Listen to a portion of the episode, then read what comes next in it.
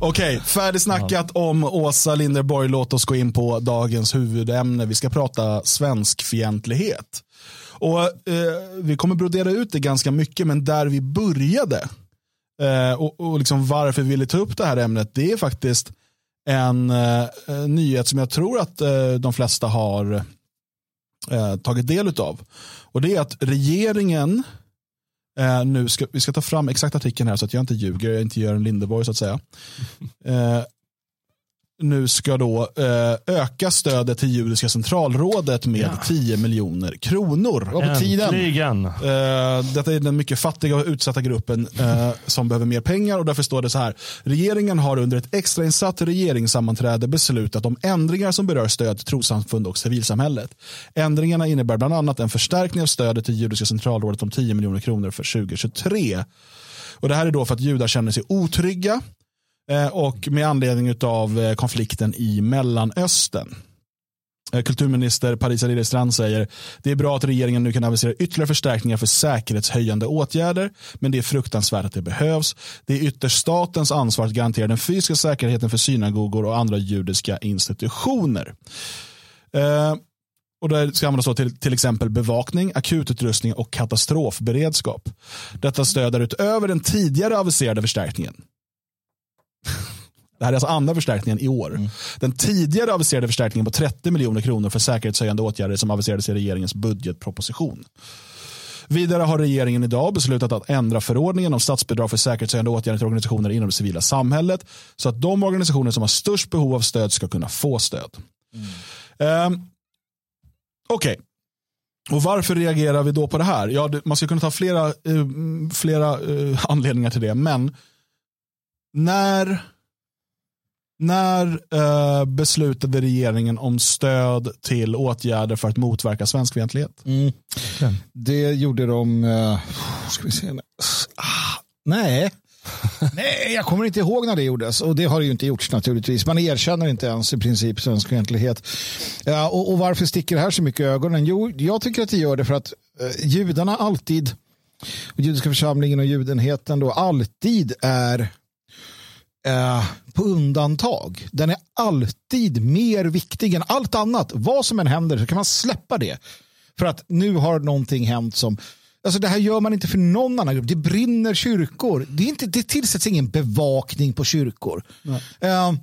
Det, det kanske är andra saker. Man ger sig på den gruppen eller den gruppen. Men nu ska hela regeringen då bara kasta om allting, ta extra möten. Så här mycket har jag inte ens sett dem agera för, mot den här gängkriminaliteten.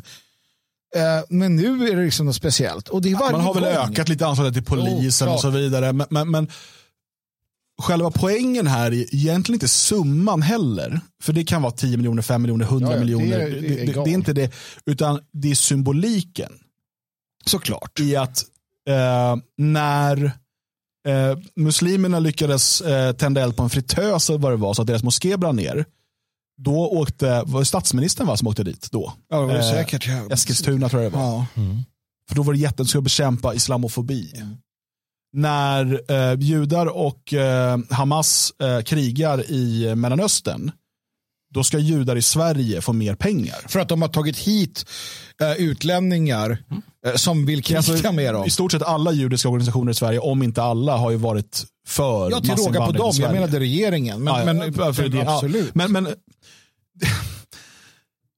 återigen, inte en enda krona har någonsin avsatts för att öronmärkas för att bekämpa svenskfientlighet. Inte någon gång. Och titta nu på de eh, reaktioner som kommer med anledning av eh, kriget i Israel. Det är, eh, och, och, alltså det är helt normalt eller helt rimligt att folk blir upprörda över eh, folk som firar terrordåd. Det är helt normalt eh, och rimligt att folk blir upprörda över bombningar och så vidare. Det, det, det, är helt rimligt. Men kraven nu på att de här måste utvisas, jag håller med om det, mm. vilken anledning den hittar. Men det kommer nu, men samma personer har aldrig kommit med de kraven när det har varit svenskfientliga dåd, förnedringsrån, mord, eh, svenskfientliga paroller och så vidare. Mm. Då har man aldrig haft de kraven. Och, och vi ser nu också från politiskt håll hur man säger att de här människorna, och det ser man i flera länder, Frankrike, Tyskland, vi talade om tidigare, de här människorna ska utvisas härifrån nu. Mm. Okej, okay, men så länge de våldtog, och så länge de rånade, och så länge de hatade de inhemska befolkningarna, svenskarna, tyskarna, fransmännen, mm. Då, då skulle inte med någonting. Nej, men Alltså, vi hörde ju det också, och det har ju varit på gång nu några år, när massinvandringen har gjort det otryggare för judar. Och, och, det tror jag säkert att det är i Malmö till exempel. De kan inte ha sin Davidsstjärna. Nej, det tror jag säkert. Nej, men jag menar, vi har ju svenskar i, i legio som under 20 år, 30 år inte har kunnat ha en svensk flagga. Nu kan man det, det är, det är annorlunda. Nej, men, men, men, det är så mycket annat som händer. Uh, där, där svenskfientligheten uppenbarligen uh, är liksom i, i grunden. Inte ett ord, inte en peng, inte ett uttalande, utan snarare förnekanden från myndigheter och, och åklagare och makthavare och lagstiftare. Mm. Men judarna, då jävlar. Ja, men, och, och, och så här, om vi då utgår ifrån att Sverige är ett mångkulturellt land och så vidare, vi, det är den verklighet vi lever i. Då hade man ju kunnat göra det här. Alltså nu, ja, men nu är det extra farligt för judar, eh, då, nu får de extra pengar. Nu utgår jag från, från den stat vi har idag och hur de resonerar. Men det stödet ges aldrig till svenskar. Det är det som är problemet här. Att alla andra grupper finns, ska ha rätt att existera, ska ha pengar för att odla sin eh, etniska identitet, ska kunna ha eh, etniskt exklusiva sammanslutningar och så vidare. Inte svenskarna, för det är olagligt. Alla andra grupper skyddas av hets mot folkgrupp, men inte svenskarna. Mm. Ja, men så är det. Jag vill bara säga det. för att jag tycker, Nu tänker inte jag hänga upp mig på judarna. Eller det gör jag just nu för att det är de som ska få pengar. Men som Freddy skriver här i chatten som rullar. Det är ju mer än måttligt naivt. Judarna i Sverige har knappast velat ta hit en massa muslimer som vill utrota dem.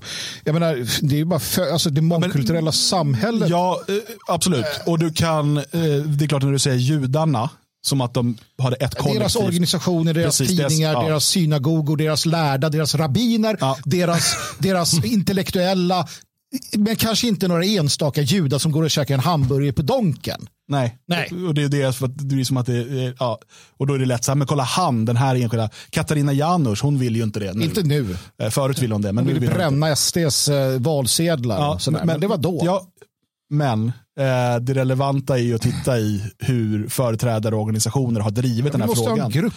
Läs Hur Sverige blev en mångkultur eller kolla på Jonas Nilssons dokumentär med, som bygger på samma material. Läs eh, debatterna i Judisk krönika från den tiden när man gjorde Sverige till en mångkultur och även under 80-talet.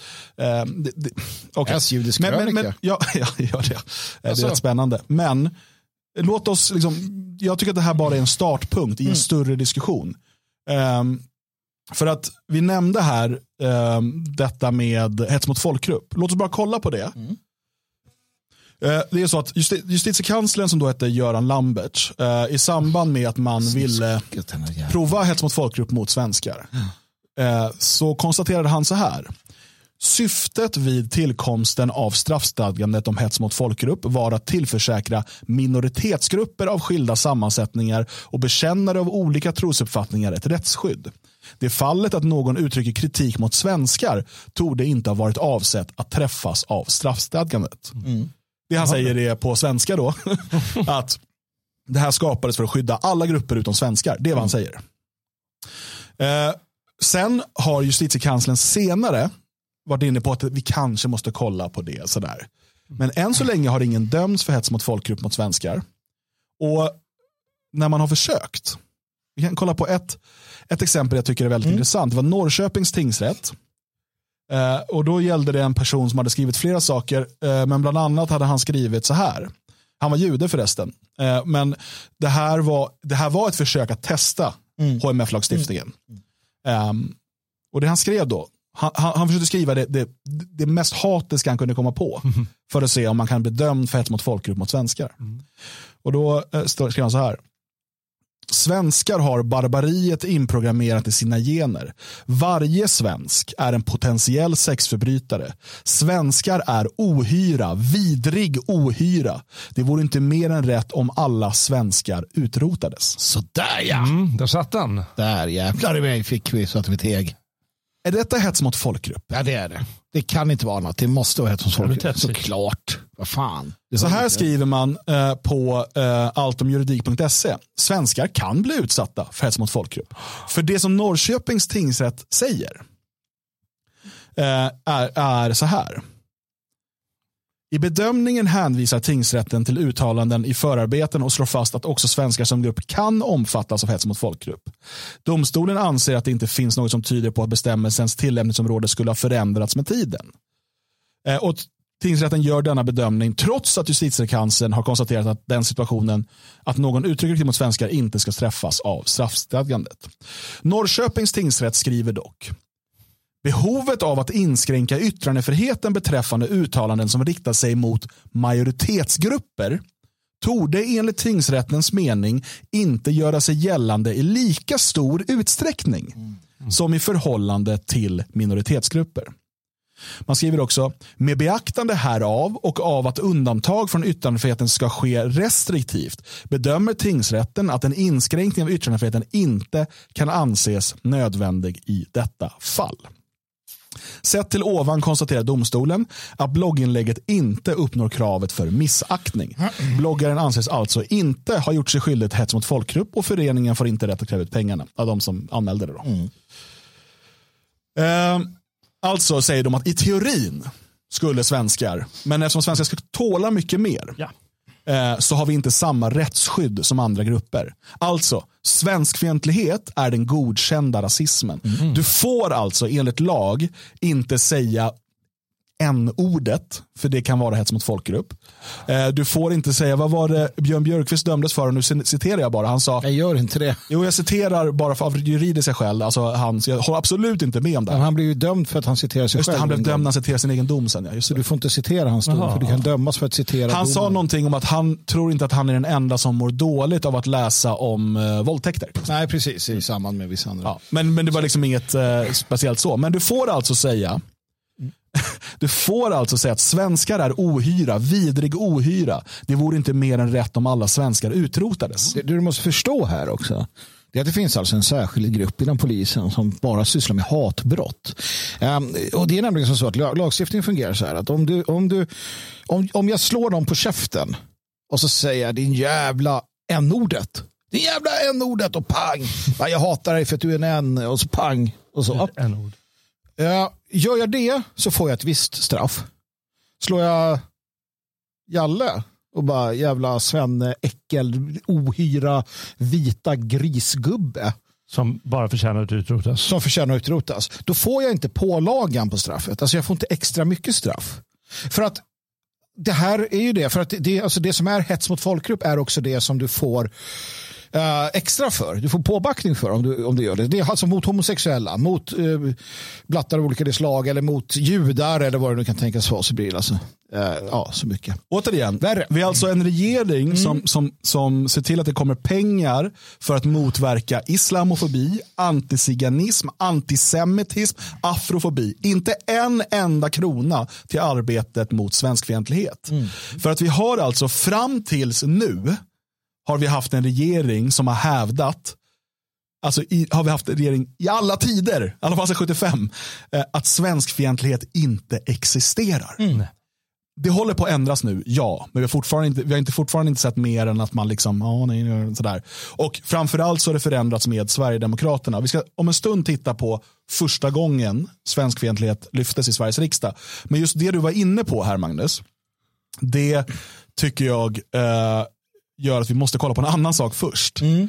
Och det är en gammal favorit till oss. Eh, han var tidigare justitie och inrikesminister, heter Morgan Johansson. Ah, vilken oh, man. Där. Vilken... Mm. Och han fick en eh, förfrågan eh, ifrån Pontus Andersson, Sverigedemokraterna, mm. angående eh, hatbrott mot svenskar. Mm. Eh, och för han menade att det här måste tas på allvar. Mm.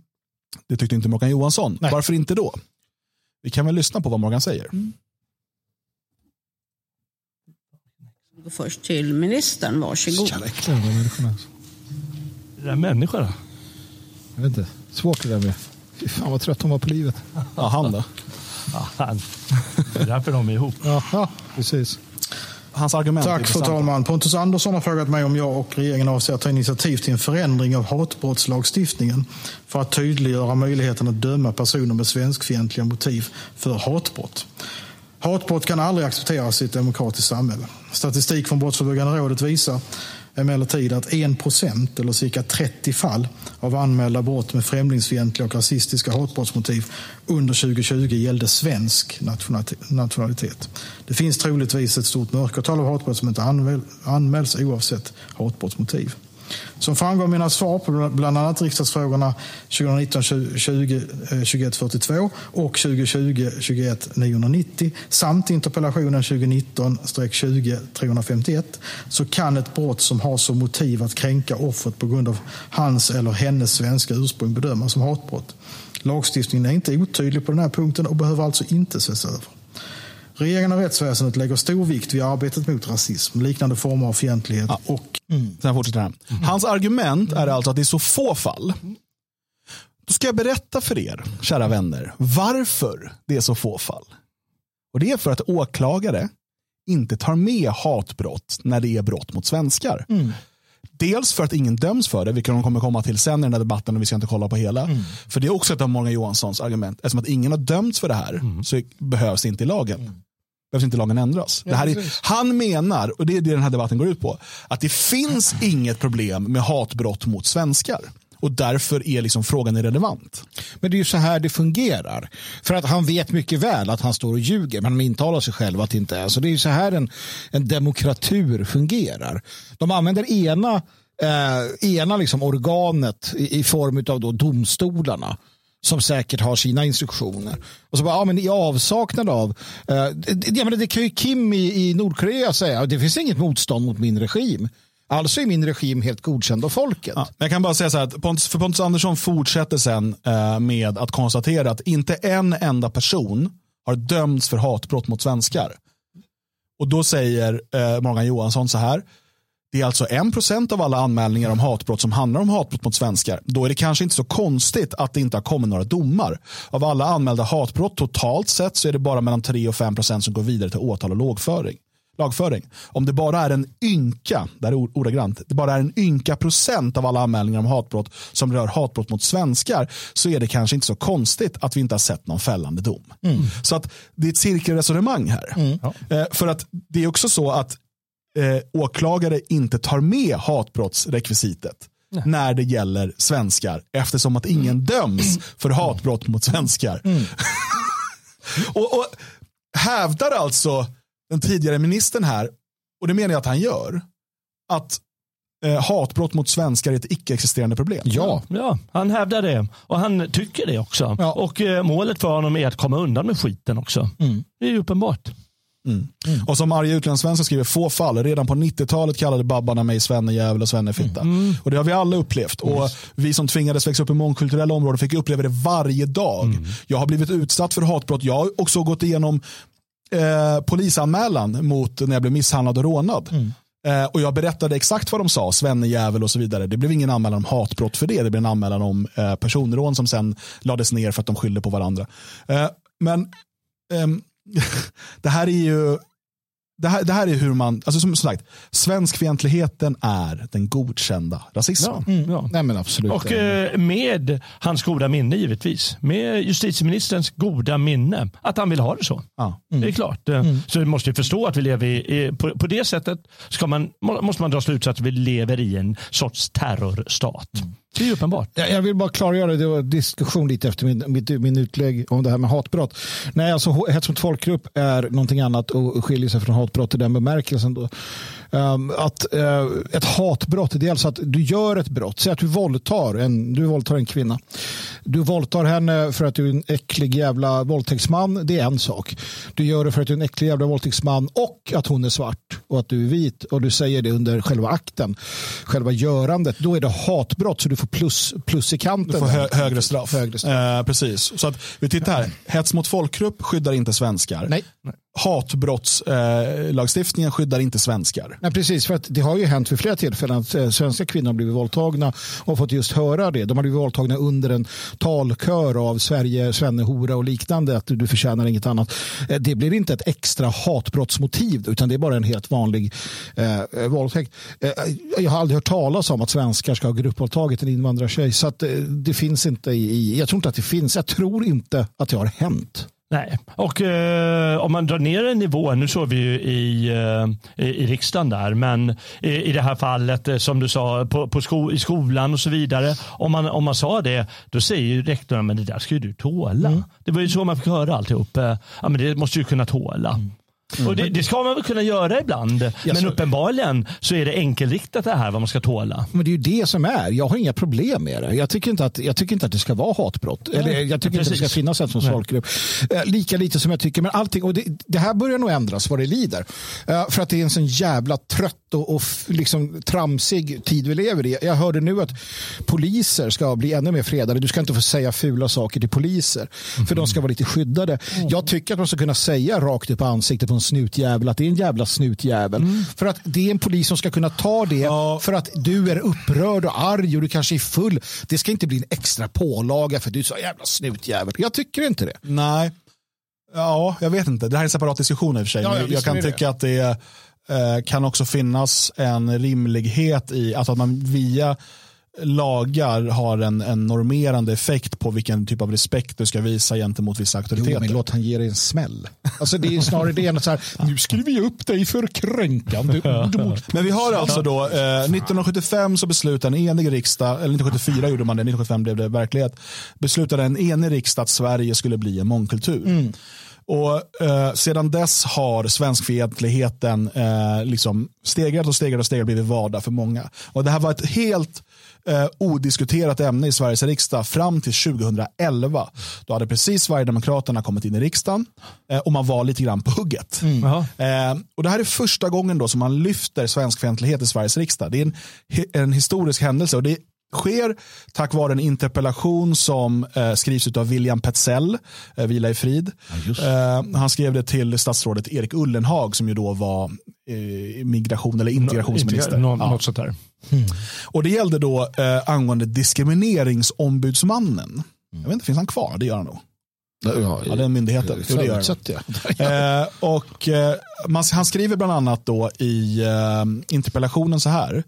DOs omtalade svenskfientliga, det är första gången det nämns, svenskfientliga attacker på kulturarvet och myndighetens närmast religiösa iver för mångkulturalism har enligt min mening gått alldeles för långt. DO har bland annat uttalat sig positivt till etnisk diskriminering av svenskar i samhällslivet, sagt att julspel i kyrkan bryter mot läroplanen och att julpyssel i skolan inte ska anspela på kristendom. Skolavslutningar i kyrkan och sjungandet av salmen Den blomstertiden kommer är inte heller acceptabla företeelser enligt DO. Det har till och med gått så långt att DO ifrågasatt adventsljusstakar på arbetsplatser. Kommer ni ihåg de här debatterna? Ja, ja, visst för tusan. Eh, Ja. och därmed eh, så ställer han då Erik Ullenhag till svars här angående att den här eh, myndigheten agerar svenskfientligt. Eh, ska vi kolla på Erik Ullenhags svar? Mm, låt oss. Eh, och vi ska säga då att ehm, William Petzell eh, var inte närvarande i riksdagen. Det var när hans liv hade börjat spåra, det hade gått lite snett där. Så Erik Almqvist tog hans plats. Men låt oss kolla på, på Ullenhags svar på interpellationen, interpellationen till att börja med. Så vi gör en liten tidsresa till ett eh, historiskt dokument helt enkelt.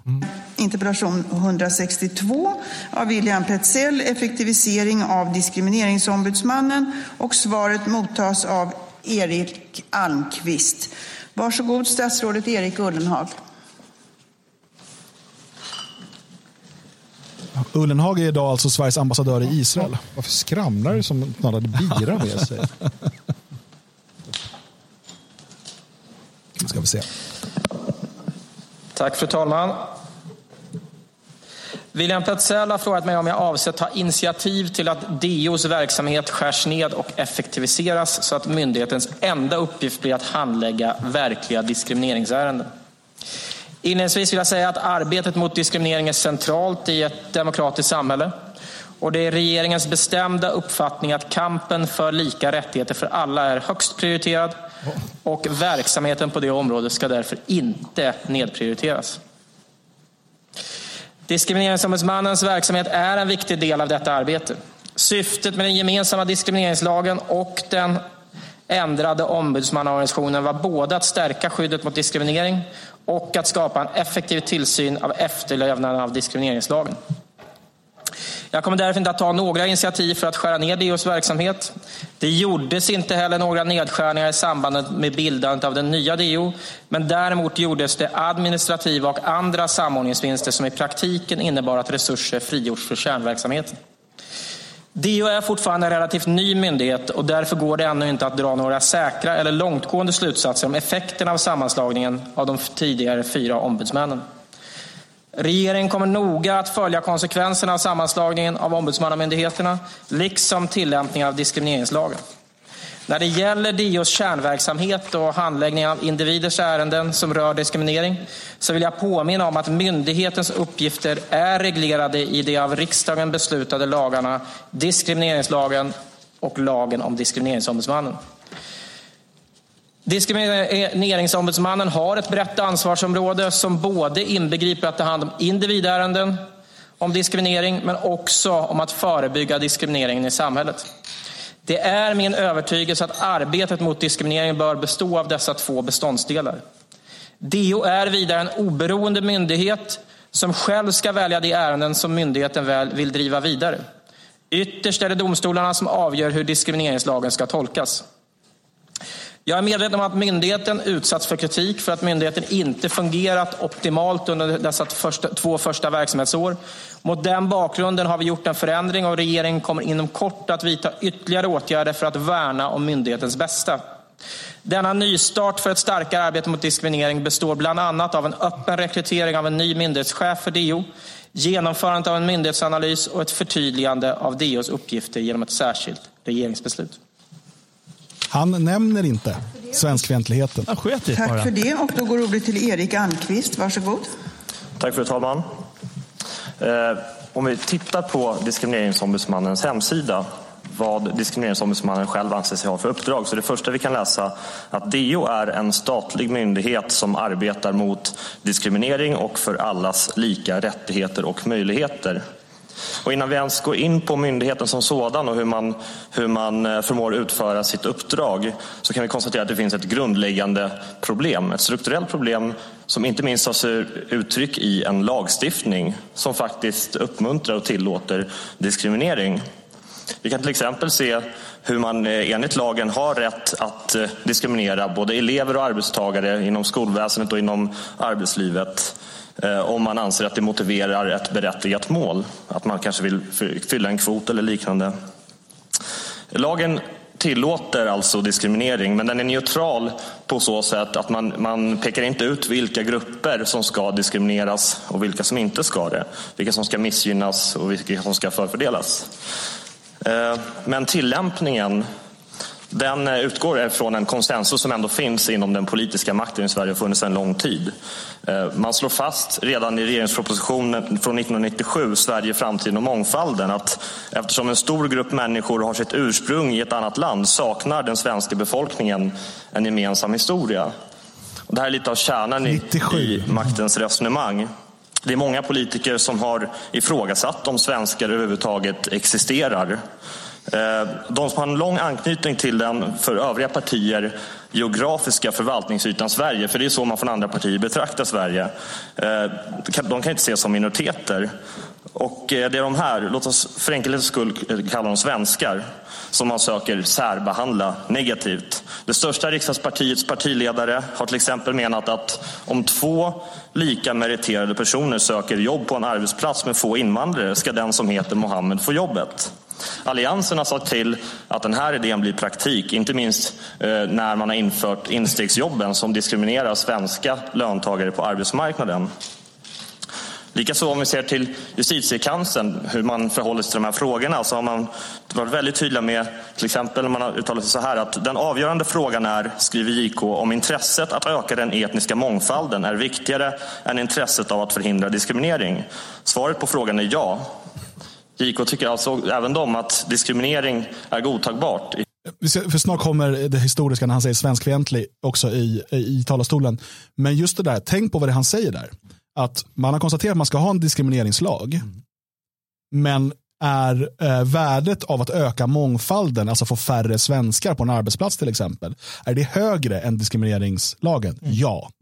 Alltså, vi har en diskrimineringslag, men den finns bara för att diskriminera svenskar. Ja. Återigen, svenskfientlighet, den godkända rasismen. Ifall man förbättrar mångfalden, ifall man på något sätt når de här kvantifierbara målen om kvotering för att skapa ett mångkulturellt samhälle. Utgångspunkten för de övriga partierna är att eh, diskrimineringslagen ska skydda minoriteten eller minoriteter från majoriteten. Och majoriteten får gärna diskrimineras för att framhäva minoriteten och ge särskilda rättigheter. Eh, jag ifrågasätter det här resonemanget i grunden. Självklart finns det diskriminering, självklart finns det förtryckande strukturer och alltid funnits genom människans historia. Men det kan slå åt olika håll också.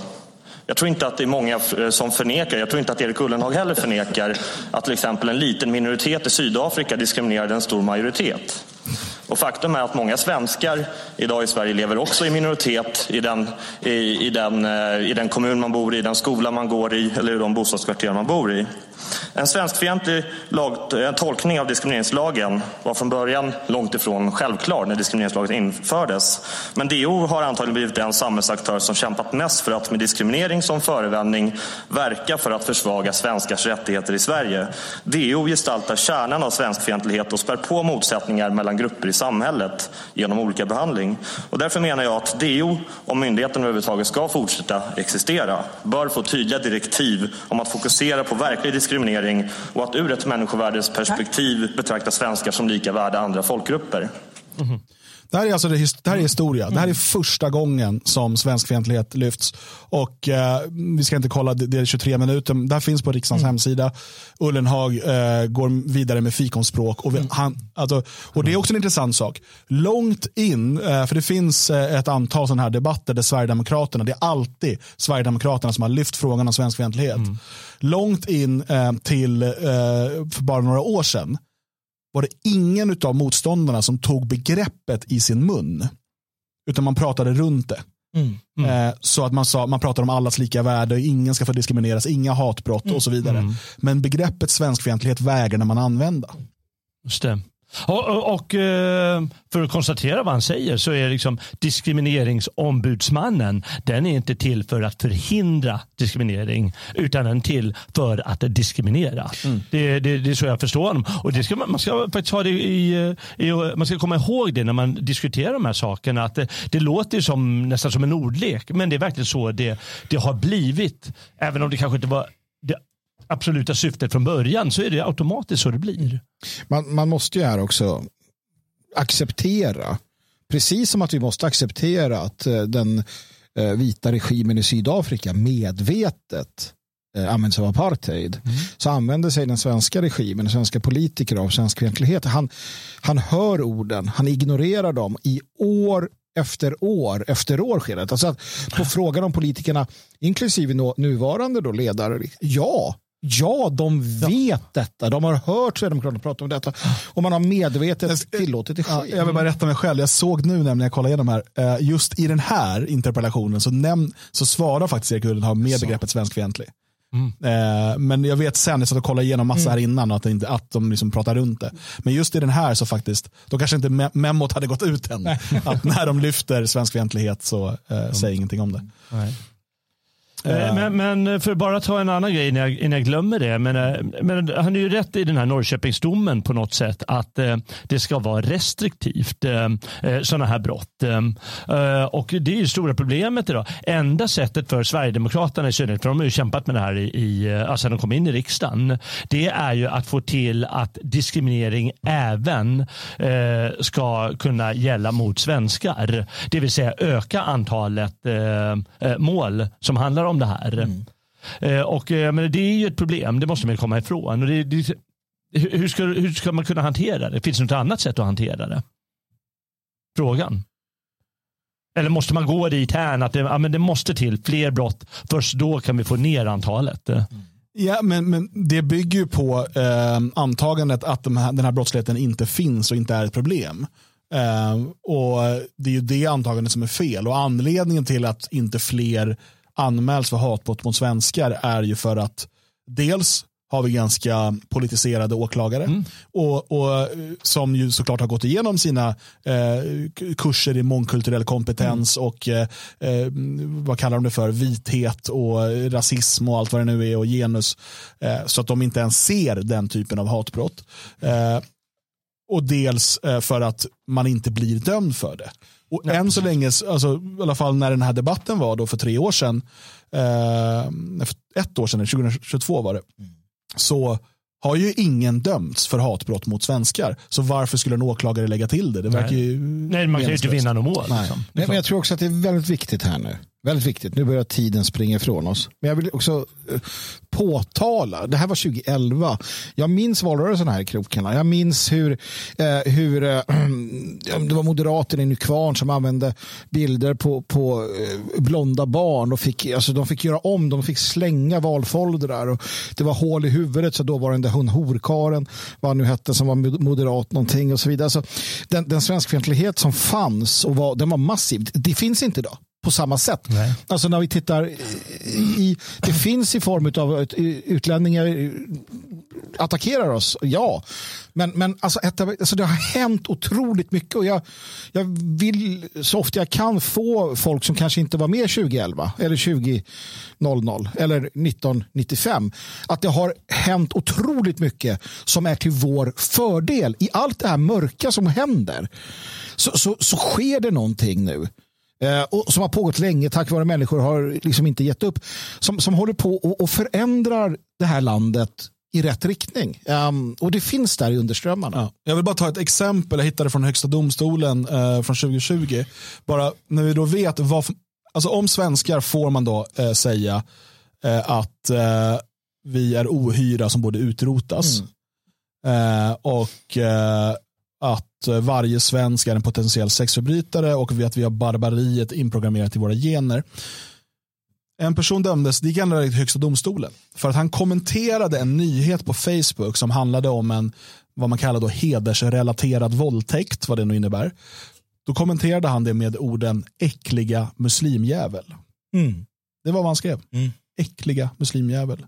För det döms han i högsta domstolen. Eh, för att det man ville prova där var, var det här riktat mot en individ eller mot en grupp. Mm. Och eh, då står det så här, mannen hävdar att hans kommentar uteslutande avsåg personen i den artikel han kommenterade. Högsta domstolen kommer dock fram till att kommentaren inte kan uppfattas som endast riktad mot personen i artikeln, utan att den även utgjorde ett sådant meddelande som avses i straffbestämmelsen om hets mot folkgrupp. Domstolen uttalar att det var fråga om en kränkande värdeomdöme som helt klart överskred gränsen för saklig kritik och debatt.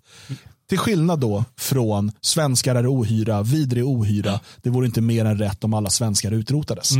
Nej, det är där vi, det är där vi är. Alltså, En sak här nere och en där tvärtom. Där uppe och där nere.